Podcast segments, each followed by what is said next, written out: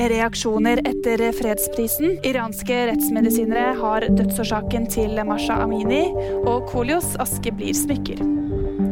Årets fredsprisvinnere skaper reaksjoner.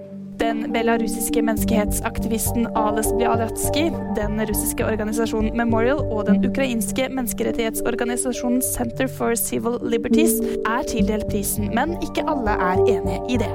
Ifølge AFP sier en talsperson for belarusiske myndigheter at nobelprisen har blitt så politisk at Nobel selv hadde snudd seg i graven. Rådgiveren til den ukrainske presidenten Zelenskyj kaller det en interessant oppfatning av fred, og skriver videre at verken russisk russiske eller belarusiske organisasjoner var i stand til å organisere motstand til krigen.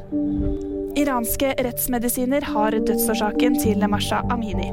De mener Amini døde av organfeil som var forårsaket av cerebral hypoksi, melder Reuters.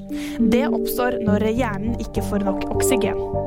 Amini døde i september etter å ha blitt arrestert av Irans moralpoliti for feil bruk av hijab. Det har skapt store protester verden rundt.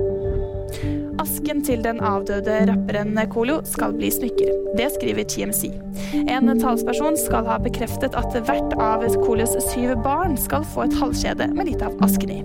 Colo døde 28.9 og ble 59 år gammel. VG-nyheter fikk du av meg, Jiri Friis Edland.